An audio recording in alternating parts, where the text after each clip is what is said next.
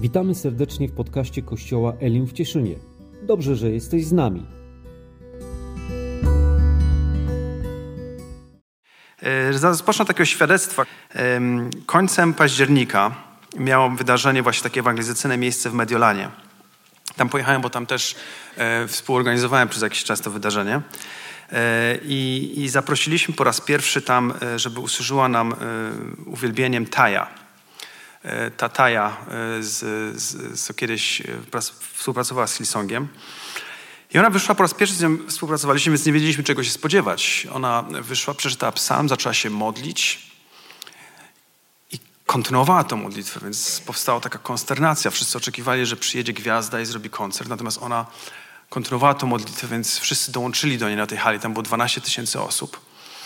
I w pewnym momencie zaintonowała pieśń uwielbienia i zaczęła uwielbiać Boga nie trzymała się żadnych, żadnych, żadnej formy, że teraz musi być zwrotka, teraz refren. Po prostu ona zaczęła uwielbiać Boga i tylko tam pokazywała najwyżej instrumentalistom, że mają się y, zdyscyplinować i za nią podążać.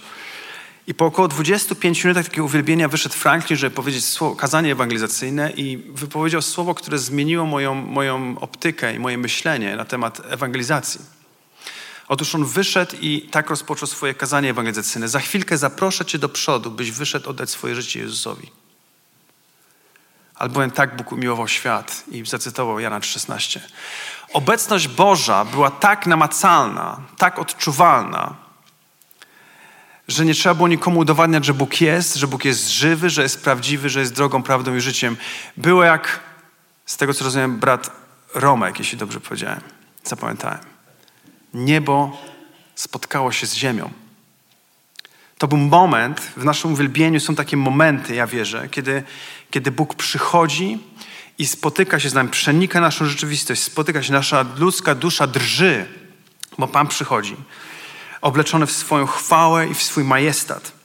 I w księdze Izajasza w czwartym rozdziale, piąty i szósty wiersz czytamy takie słowo. Wówczas nad całym obszarem góry Syjon i nad miejscami jej zgromadzeń Pan utworzy obłok za dnia, niczym dym i blask płomienia ognia w nocy, ponieważ chwała będzie osłoną nad wszystkim, namiotem zapewniającym cień w upalne dni i skuteczne schronienie nawet w czasie ulewnych deszczów. I Bóg zaprasza Ciebie i mnie dzisiaj, siostro i bracie, do tego, abyśmy pod tym parasolem, pod tym namiotem Jego chwały mogli przebywać, i kiedy za Nim podążamy, kiedy chodzimy za Nim. On, on, wiecie, on nie zakłada jakichś specjalnych ciuchów na niedzielę rano. On w poniedziałek czeka na mnie, tak samo jak dzisiaj. On w środę jest gotowy, by się ze mną i z Tobą spotkać. Tęskni za Tobą i za mną w czwartek i w piątek. On jest ten sam i czeka. I zaprasza Ciebie i mnie, byśmy jako Jego dzieci pod tym parasolem się schronili. Jego chwały, Jego uwielbienia. Z tym, co przechodzisz w swoim życiu, z, tym, z tą trudnością, z tym wyzwaniem, z tym cierpieniem, z tym bólem, z tą radością, z tą tęsknotą, abyś mogła, aby mógł się schronić pod tym parasolem Jego chwały i przebywać razem z Nim. I nie wiem jak Ty dzisiaj, siostry i bracia, ale niczego bardziej ja nie pragnę, jak być, przebywać w Jego obecności. Piotr otrzymał bardzo ważną lekcję na Górze Przemienienia. Czasem zastanawiam się, jak ja bym zareagował, gdybym tam był. Podejrzewam, że chciałbym zrobić coś podobnego. Chciałbym przedłużyć ten moment. Chciałbym, żeby w tym wyjątkowym czasie, kiedy jestem ja i mój Bóg, by zostać dłużej, by chciałby się powiedzieć chwilę trwaj. Natomiast Bóg uczy czegoś wyjątkowego, czegoś bardzo ważnego. Nic nie jest w stanie stanąć w Jego obecności, w Jego chwale. Nic nie jest w stanie przed Jego obliczem stanąć. Asaf w 73 e, psalmie, dzisiaj w biurze e, widziałem, jest nawet e, ten werset gdzieś tam na stoliczku wydrukowany. Powie, moim szczęściem jest być blisko Boga. Moim szczęściem jest być blisko Boga. W takiej bliskości z Nim, podążać każdego dnia. Natomiast odnoszę wrażenie, obserwując życie, że jako ludzie mamy problem, zmagamy się z pewną, ja to nazywam z pewną koncepcją podróży. Dla nas jako ludzi jest ważne y, takie zaznaczenie dwóch miejsc na, na tej osi czasu. Od do. Chcemy wyruszyć z jakiegoś konkretnego miejsca i chcemy zmierzyć do jakiegoś konkretnego celu. I nie ma w tym nic złego, to jest, to jest naturalne, to jest, To jest nawet dobre. Chcemy po drodze weryfikować nasz postęp. Chcemy widzieć, jak się zmieniamy my, jak Bóg nas zmienia, jak kształtuje, przez doświadczenia, przez jakie przechodzimy, przez trudności, przez radości. Cokolwiek to jest na tej drodze, na tym odcinku drogi, chcielibyśmy mieć oznaczone od do. Podążam stąd dotąd. Tymczasem odnoszę wrażenie i, i coraz głębiej z biegiem lat ono się we mnie utwierdza, że Bogu zależy na czymś, na czymś zupełnie innym. I już święty Augustyn zauważył, że właśnie nie z do, nie do jakiegoś celu, ale sama podróż z Jezusem jest tym, do czego On nas wzywa. Samo to, że mogę z Nim być w tym odcinku drogi, który jest przed mną wyznaczony, który kiedyś będzie miał swój kres, zdecydowanie, gdy odwołam je z tego świata, albo gdy powierzone zadanie w moich rękach on, on uzna, że jest skończone. Kiedyś też przechodziłem przez taką, e, takie głębokie studium, e, studium tej historii pięknej z, z księgi Jeremiasza o garncarzu. I zrozumiałem, w pewnym momencie dotarło do mnie takie słowo. Tylko garncarz może stwierdzić, kiedy naczynie jest skończone. Ja się mogę czuć już skończony, ja się mogę czuć już bez sił, ja mogę się czuć, że jestem u kresu swych dni. Natomiast tak długo, jak jestem w Jego ręku, tak długo On to życie będzie prowadził, będzie mi kierował. To zrozumiałem także po tym kazaniu, które tutaj wspomniałem, gdy miałem e, bodajże 15 czy 16 lat. Kaznodzieja dzielił się swoim świadectwem tego, jak głosił Ewangelię i został za to pobity kiedyś na dworcu i mówi, i złożył nam takie nietypowe życzenie. Mówi, życzę wam, żebyście jak najszybciej doświadczyli jakiegoś prześladowania za waszą wiarę w waszym życiu. Im szybciej tego doświadczycie, tym będziemy łatwiej później w życiu. I niedługo potem, po tym, e, kilka miesięcy po tym spotkaniu, byłem na ulicy mojego miasta, gdzie rozdawaliśmy z moim przyjacielem ulotki ewangelizacyjne, traktaty. Chcieliśmy, byliśmy takimi młodymi, zapalnymi ewangelistami. Chcieliśmy zewangelizować nasze miasto. E, w pewnym momencie natrafiłem na człowieka, który takim znużonym, lekko już e, był nietrzeźwy, takim znużonym głosem mówi do mnie daj mi 30 groszy. A ja mówię, wiesz co, nie mam dla ciebie 30 groszy, mam dla ciebie coś lepszego. I dawaj w niego Ewangelium. A on do mnie, nie, nie, nie, daj mi 30 groszy. Ja się chwilkę zastanowiłem, ale mówię, no nie, przecież mój dialog wewnętrzny się odbywa, jestem przecież ewangelistą, ja tu przyszedłem do niego z, z życiem. I mówię do niego, słuchaj, mam dać ci naprawdę coś lepszego. I dalej mówię tą Ewangelię. Za chwilkę wyskoczył gdzieś za drzewa, nie wiem skąd, chłop wielki jak dąb, przyłożył mi taki ostry nóż do gardła i mówi, daj mu 30 groszy, albo cię zabiję. I wiecie, to są te momenty, kiedy moja wiara jest weryfikowana. Kiedy moja postawa jest weryfikowana. Mi zaczęły się trząść nogi. Ja się po prostu rozbeczałem. Ten nóż był naprawdę ostry, już mi naciął. I on taki zdezorientowany mówi do mnie, niczego beczysz. A ja mówię, wiesz co? Płaczę, ponieważ moje życie w Twoich rękach jest warte tylko 30 groszy, a ja wiem, że to jest nieprawda. Ja mówię, nie wiem, czy wiesz, ale Jezus Chrystus oddał swoje życie za mnie. I dlatego chciałem powiedzieć, że tak długo, jak jesteś w ręku garncarza, tak długo jesteś wartościowy, ty i ja. I moje życie, i Twoje życie ma znaczenie. I tylko garncarz może powiedzieć, kiedy skończył z Tobą i ze mną. I to mi dało takie poczucie pewności tego, że nieważne te, gdzie jestem, gdzie stoję, nieważne przez jakie trudy przyjdą w moim życiu i z czym przyjdzie mi się zmierzyć, jaka choroba przyjdzie, tak długo jak jestem blisko Niego, tak długo jestem bezpieczny. Jestem pewny, nikt i nic nie odbierze mi tego życia. I to jest ta dobra nowina, którą myślę, wierzę, że większość, wszyscy, mam nadzieję, żywimy gdzieś żarliwie w naszych sercach. Natomiast to jest coś, co powinniśmy celebrować, to jest coś, co powinniśmy, się powinniśmy szczycić. To jest nasza chluba, nasza duma. To, kiedy możemy właśnie przebywać pod tym parasolem Jego chwały, tym namiotem, który będzie nas chronił za dnia, w opalne dni i w deszczowe dni, będzie Twoją ochroną, niezależnie od tego, przez co przyjdzie Ci przechodzić. On będzie z Tobą i będzie podążał za Tobą w swojej chwale, w swoim majestacie. Jego królestwu nie będzie końca. Jego chwała nie pozna granic. On jest królem królów i panem panów. On obleka się w chwałę i w majestat. Mogliśmy tego dzisiaj doświadczać. Mogliśmy dzisiaj zachłysnąć się cząstką tego, tej, tej, Jego chwały, która stępuje, gdy Jego lud Go wielbi, gdy Go chwali. i chwała Mu za to. Natomiast czasem właśnie musimy, mamy problem z naszą, z naszą perspektywą i chciałbym przytoczyć pewne opowiadanie, które poczyniłem swego czasu w takiej książeczce Księżniczka i Fifuś. Jest to opowiadanie zatytułowane Piknik. Chciałbym je przeczytać, żeby troszkę y, nas obudzić wszystkich, żebyśmy musieli wstawać i siadać, żebyś, żebyś nie zasnąć. To pomyślałem, że przeczytam opowiadanie, może, może gdzieś tam się nam y, nasza wyobraźnia na tyle pobudzi, że nie zaśniemy. To jest y, opowiadanie, to jest taka seria opowiadań o księżniczce i takim piesku Fifusiu. Nazwałem go Fifuś no, z pewnych osobistych powodów. Opowiadanie brzmi następująco. Zawsze marzyłam, żeby pojechać z rodzicami na drugą stronę wyspy, by za wzgórzem usiąść z nimi na naszym specjalnym piknikowym kocu i po prostu mieć piknik. Jeść kanapki z naszego piknikowego, wiklinowego koszyka, grać w gry i rozmawiać o czymś ciekawym. Więc pewnego dnia pogodnego, kiedy tata zapowiedział, że dziś jedziemy na piknik, od razu pobiegłam do kuchni, by razem z mamą przygotować kanapki oraz lemoniadę. Tata poprosił, by w termosie zaparzyć dla niego też czarną kawę, którą tak bardzo lubi. Po szybkim spakowaniu się wsiedliśmy do naszego samochodu i wyruszyliśmy. Ku mojemu zdumieniu tata nie pojechał przez most na drugą stronę, tylko skręcił ostro w prawo przez lasek na niewielką polanę ukrytą między drzewami. Tam zobaczyłam coś, co przerosło moje oczekiwania. Ogromny, kolorowy balon do latania z koszem tak wielkim, że pomieścił nas wszystkich razem z fifusiem i piknikowym koszykiem pełnym dobroci. Fifuś z radości podskoczył, zakręcił się wokół własnego ogona i obsikał trzy krzaczki. Rodzice uśmiechnęli się do siebie i powiedzieli, że dziś będziemy mieli piknik, który nie będzie jak wszystkie inne. Pan, który na nas czekał, szybko wytłumaczył, że nie ma się czego obawiać i że wszyscy jesteśmy mile widziani, by wsiąść i polecieć razem z nim po przygodę. Jak tylko oderwaliśmy się od ziemi i wznieśliśmy ponad drzewa, myślałam, że serce wyskoczy mi z radości.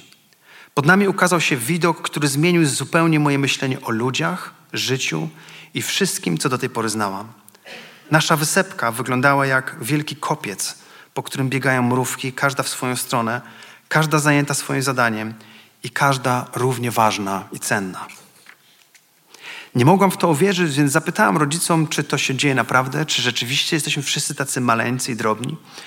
Rodzice uśmiechnęli się razem z panem, który sterował tym balonem i powiedzieli, że na tym między innymi polega zmiana perspektywy. Czyli tego, co mam przed oczyma, oczami i na czym skupiamy naszą uwagę. Dzisiejsza przygoda wywarła na mnie niesamowite wrażenie. Po powrocie do domu nie mogłam zasnąć z ogromu emocji.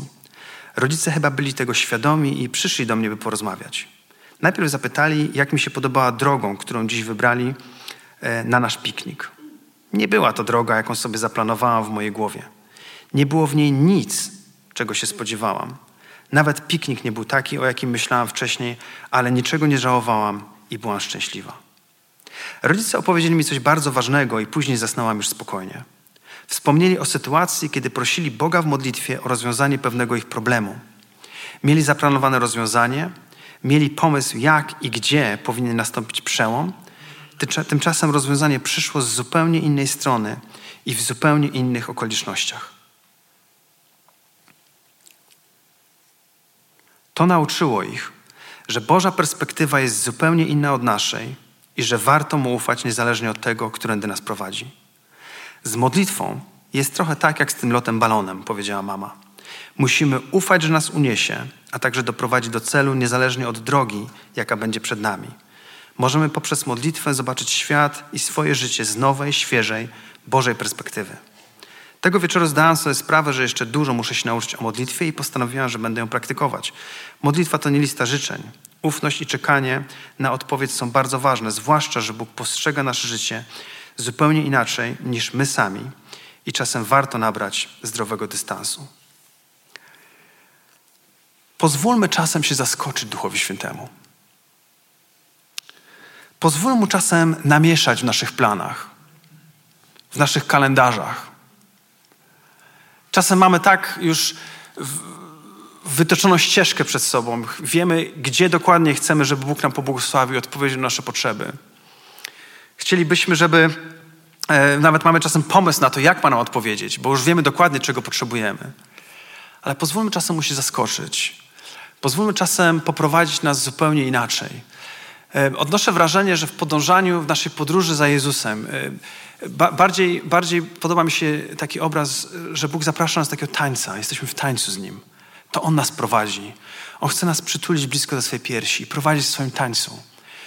Tak jak On tego chce. Tak jak On ma dla nas to zaplanowane. Ale czasem niestety się gubimy w tym naszym, w naszym życiu, w naszym rozumowaniu, w naszym postrzeganiu tej rzeczywistości. I już y, ten, ten temat zgubienia się jest, jest od zarania dziejów. W pierwszej Mojżeszowej, trzeci rozdział, dziewiąty wiersz, czytamy takie słowo. Jednak Pan Bóg zaczął wołać człowieka, gdzie jesteś?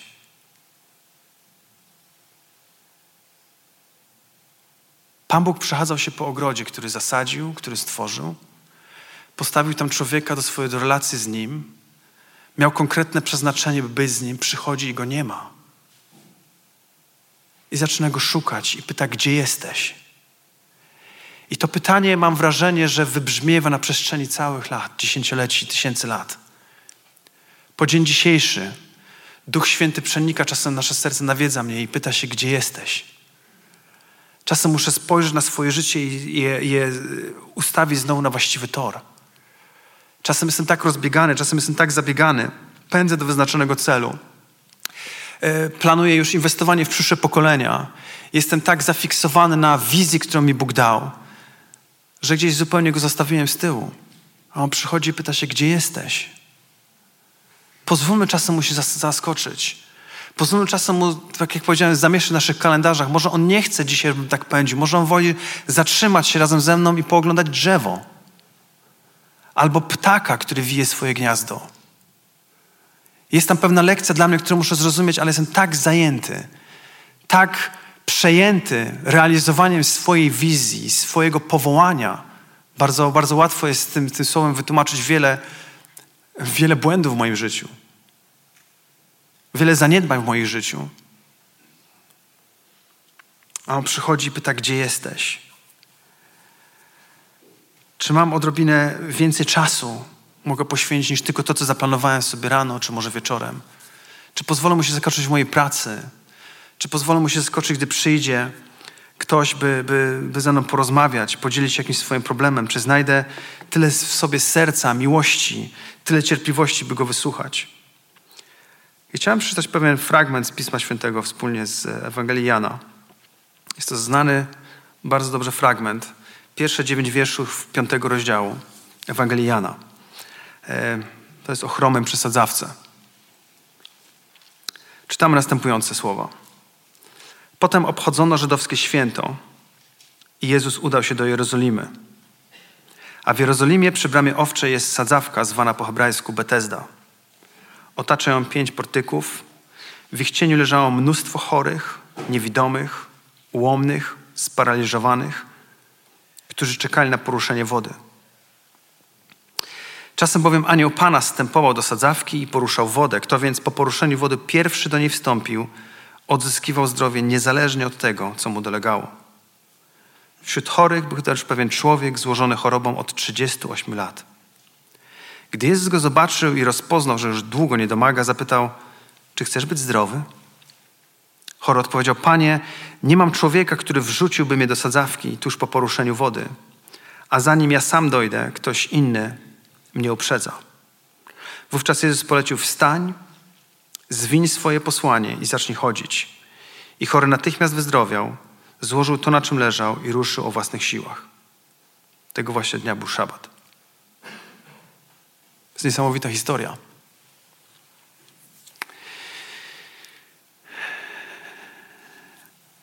Nie wiem, kim był ten człowiek chory. Wiem, że już czytając tę historię, wiem, że ja bym postępował inaczej. Ja bym chciał się co roku coraz bliżej przysunąć do tej sadzawki, żeby już w końcu w którymś momencie do niej wskoczyć, no bo przecież chciałbym wziąć życie w swoje ręce. Chciałbym sam się zatroszczyć o swój los. Czytamy, że Jezus przychodzi do niego w swoim autorytecie. Dla niego nie ma znaczenia, co przed nim jest. On przychodzi w swoim autorytecie i on i tak będzie dokonywał swoje. On nigdy nie zmienił treści Ewangelii, żeby przypodobać się ludziom, choć wiedział, że wielu od niego odejdzie. to raczej Ewangelia zmienia nas. To raczej Ewangelia dotyka nas i zmienia nas. Nie żaden kompromis w Jego nauczaniu. On przychodzi w swoim autorytecie i rozprawia się z tym problemem. Po drugie, zadaję mu pytanie, czy chcesz być zdrowy? Czy chcesz być zdrowy? Czy chcesz, by Twój los uległ zmianie? Czy chcesz, by Twoja sytuacja uległa zmianie? Czy chcesz, by sytuacja, w której się znalazłaś, odwróciła swój bieg? Natomiast nie tylko potrzebujemy zdiagnozować problem, ale znaleźć odpowiedź na ten problem. I tą odpowiedzią jest Jezus. On przychodzi w swoim autorytecie, w swojej mocy. Tak jak powiedziałem, niezależnie od tego, co przed nim jest. Zastanawiało mnie w tej historii zawsze jedno. Jak ja bym się zachowywał, gdybym był tym człowiekiem? Lubię czasem, tak mam jakieś takie, takie pomysły czasem, wyobrażać sobie, że ja jestem w tej historii i tam coś się dzieje. I wiecie, mam pewien problem z tą historią. Problem polega na tym, że gdybym ja dostąpił takiego uzdrowienia, podejrzewam, że poszedłbym do każdej osoby, która była wokół mnie i zapytał mnie, dlaczego? Dlaczego przez tyle lat nie powiedziałeś mi wstań? Dlaczego przez tyle lat nie powiedziałeś mi wstań, weź złoże, włożę swoje idź? Dlaczego musiałem wycierpieć tyle i nikt mi nie powiedział? Dlaczego nikt nie przyszedł, nie wskazał mi drogi do Betesdy? Dlaczego musiałem tak długo czekać, skazany na to, na to cierpienie, nie ten ból? Tam czytamy w innym tłumaczeniu, tam było wiele ludzi wyczerpanych. Wiele ludzi po prostu już zrezygnowanych. I nie było nikogo, kto przyszedł do nich i powiedział wstań. I to powoduje, że automatycznie zadaję sobie pytanie dzisiaj, ile jest osób wokół mnie, którzy potrzebują usłyszeć wstań? Ile jest osób wokół mnie, w moim najbliższym otoczeniu, a może troszkę szerszym, którym poczuję wskazać na drogę do Betesdy, do miejsca, gdzie może, mogą, mogą, mogą dostąpić uzdrowienia, mogą dostąpić nie tylko radykalnej zmiany w swoim życiu, mogą dostąpić życia, bo Jezus tam jest. Jezus przyszedł i On pokazał, że On jest tą drogą. On pokazał, że On jest rozwiązaniem. On pokazał, że On jest autorytetem. I daje to mi i Tobie, byśmy mogli dzisiaj wokół tych, którzy są wokół nas, pokazać im, jak dostać się do Betesdy. A tu nie ma czasem, kto im powiedzieć, by wstali. Nie ma kto im usłużyć dzisiaj w autorytecie Jezusa Chrystusa. Czasem, czasem się boimy, czy to zadziała, czy nie. Zaczynamy powątpiewać. Sami, sami, sami, sami kwestionujemy swoją własną wiarę. Tymczasem trzeba po prostu pójść, im powiedzieć i wskazać, podzielić się do tych, którzy są chorzy. Pytanie jest, jak to zrobić? E, powiem bardzo pragmatycznie. Zacznij od wysłuchania ich. Zwykłem mówić, że zanim złożymy świadectwo, musimy wysłuchać ludzi, którzy mają coś do powiedzenia. Nie mamy prawa do nich mówić, kiedy ich najpierw nie wysłuchamy. Inaczej, innymi słowy, zyskujemy autorytet, zyskujemy prawo do tego, by móc im coś powiedzieć, kiedy wysłuchamy ich problemu. A więc wysłuchaj tego problemu, co mają ci do powiedzenia, a później złóż im świadectwo. Niezależnie od tego, jakie to świadectwo jest. Niezależnie od tego, czy uważasz, że ono jest wielkie, czy jest niewielkie. Że jest mocne, czy robi wrażenie, czy też, że jest takie, takie do niczego. To jest coś, czym zmagałem się przez wiele lat sam. Urodziłem się i wychowałem w wierzącym domu. Nawróciłem się, kiedy miałem 7 lat. Co siedmiolatek mógł na rozrabiać? Mógł, mógłbym to opowiadać, ale żona mi powiedziała, że możesz przestań tę historię opowiadać. Już za dużo ich mówisz. Ale tak naprawdę jako siedmiolatek, kiedy słuchałem świadectwa mojej mamy, zostałem z nią w domu, bo byłem chory, nie pojechaliśmy w niedzielę na nabożeństwo i ona opowiadała mi, opowiadała mi swoje świadectwo nawrócenia. Ja pamiętam, coś w tym siedmioletnim młodym, młodzieńczym chłopcu pękło. Coś w jego sercu pękło i rozlało się tak bardzo, że powiedziałem, Boże, weź to serce, weź to życie. Ja też tak chcę. Zapragnąłem tej miłości, tej bliskości. Zapragnąłem, by być pod tym parasolem, pod tym namiotem, który On prowadzi, który daje, by mógł, by mógł bezpiecznie przejść przez ten odcinek drogi, który mi wyznaczył. I miałem z tym zawsze problem. Myślałem sobie, co takie świadectwo znaczy dla moich kolegów, którzy w liceum już potrafili rozrabiać, co znaczy dla ludzi, którzy naprawdę przeszli przez jakieś wyzwania. Natomiast to nie ma znaczenia. To jest moje świadectwo. To jest świadectwo, kiedy ja doświadczyłem Boga i tym się będę dzielił i to będę opowiadał, a resztę muszę zostawić Duchowi Świętemu. Niech On się tym posługuje. I podobnie niech będzie w Twoim życiu. Niezależnie od tego, jak Ty wartościujesz i oceniasz swoje świadectwo. Mamy z tym problem czasem jako wierzący ludzie, szczególnie kiedy chodzimy już za Bogiem jakiś czas. Nie róbmy tego. Wysłuchajmy i podzielmy się takim świadectwem, jakie ono jest. Złóżmy im, powiedzmy prawdę, że Jezus Cię kocha, że oddał za Ciebie swoje życie, że jest gotów Ci przebaczyć każdy Twój grzech. Możesz dostąpić pokoju, możesz dostąpić ukojenia, uzdrowienia dla swojej duszy. I On zaprasza Cię, żebyś podążał za Nim. Byśmy właśnie podążali za tym, pod tym parasolem Jego chwały. Ale też i praktyczne rzeczy. Kilka miesięcy temu, pamiętam, poszedłem do lekarza, bo mm, się źle czułem. Od jakiegoś czasu bolało mnie serce i mówię, muszę pójść zbadać. I badałem się, u, zrobiłem całą serię badań, u różnych lekarzy byłem. I w pewnym momencie ten lekarz przychodzi do mnie i mówi, co ja mam panu powiedzieć? Nic panu nie jest. Jest pan zdrowy. Tak spojrzałem na niego i mówię, to chwała Bogu. On taki zmieszany.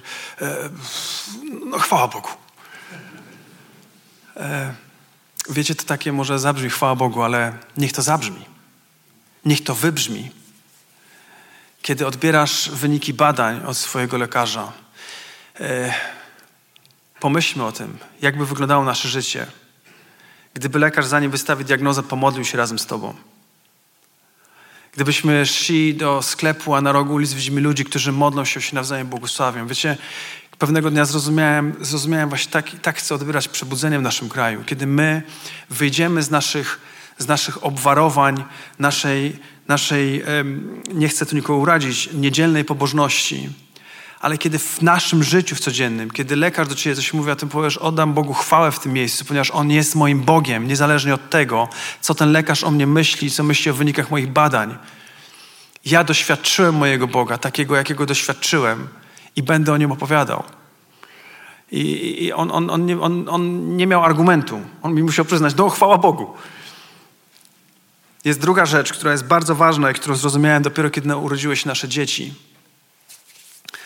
Um, mogę być w tłumie, mogę być gdzieś w sklepie, w jakimś centrum handlowym i kiedy rodzic słyszy płacz dziecka, on wie, że to jest jego dziecko. Szczególnie kiedy są małe. E, czasem chodziłem, słyszę jakiś płacz dzieci i w końcu mówię, no niech się jakiś rodzic nim zajmie i patrzę, no faktycznie to nie było moje dziecko, wiedziałem. Ale kiedy tylko Emilka albo Joel zapłakali czy zawołali, od razu wiedziałem, że to są oni. Nieważne, jak wielką burzę, jak wielka burza jest przed tobą, przez jaką burzę musi przyjść, kiedy zawołasz, on cię usłyszy. Jesteś jego dzieckiem, jesteśmy jego dziećmi. On usłyszy nasze wołanie i ono jest mu bliskie. Nasze, nasze życie jest mu bliskie, jest cenne w jego ręku. Kiedy urodziła się Emilka, nasza córka pierwsza, na razie jedyna,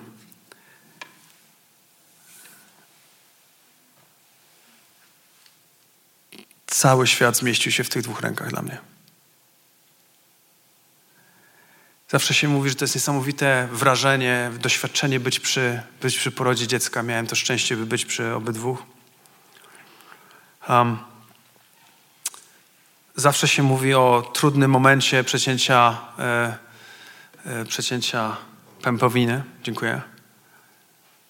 Natomiast nikt ci nie mówi, że to zostaje. To zostaje z tobą. Dzisiaj ona ma już, e, zaraz będzie miała 12 lat, a dla mnie jest cały czas tą księżniczką w moich rękach, którą tak kocham. Trzy lata później doświadczyłem tego samego. Zostałem zaskoczony po raz kolejny przez życie, że mogłem zakochać się trzeci raz w życiu. Mój syn się narodził. To było niesamowite doświadczenie. I tak staram się rozumieć Bożą miłość do mnie, że On tak właśnie na mnie patrzy, Natanaelu, synu mój, kocham Cię. Jesteś dla mnie cenny. Czy słyszysz to dzisiaj? Czy słyszysz to dzisiaj, siostro i bracie? Bracie Romku. Znam jedno imię w tym zborze, cieszę się.